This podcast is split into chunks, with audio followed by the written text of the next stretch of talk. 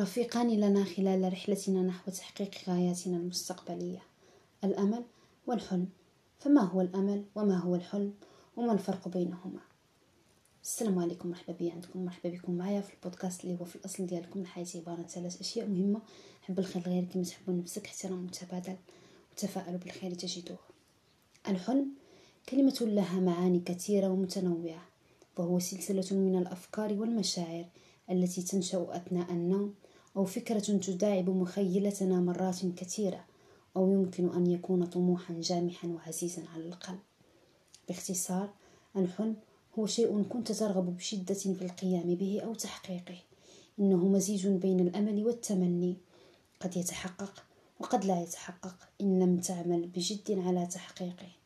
أما الأمل هو شعور ورغبة في حدوث شيء جميل معين. هو أمر محفز لنا يعلمنا الصبر والتحمل والتفاؤل وكأنه يقول لنا أننا نستطيع فعل ما نريد تحقيقه. الأمل لا يمنحنا واقعا ورديا بل يدفعنا بحماس لعدم التوقف عن العمل والاجتهاد.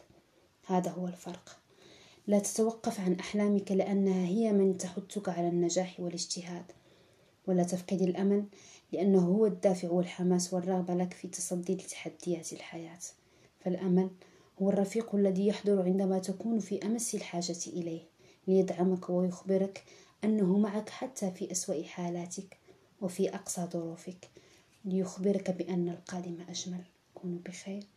في أمان الله.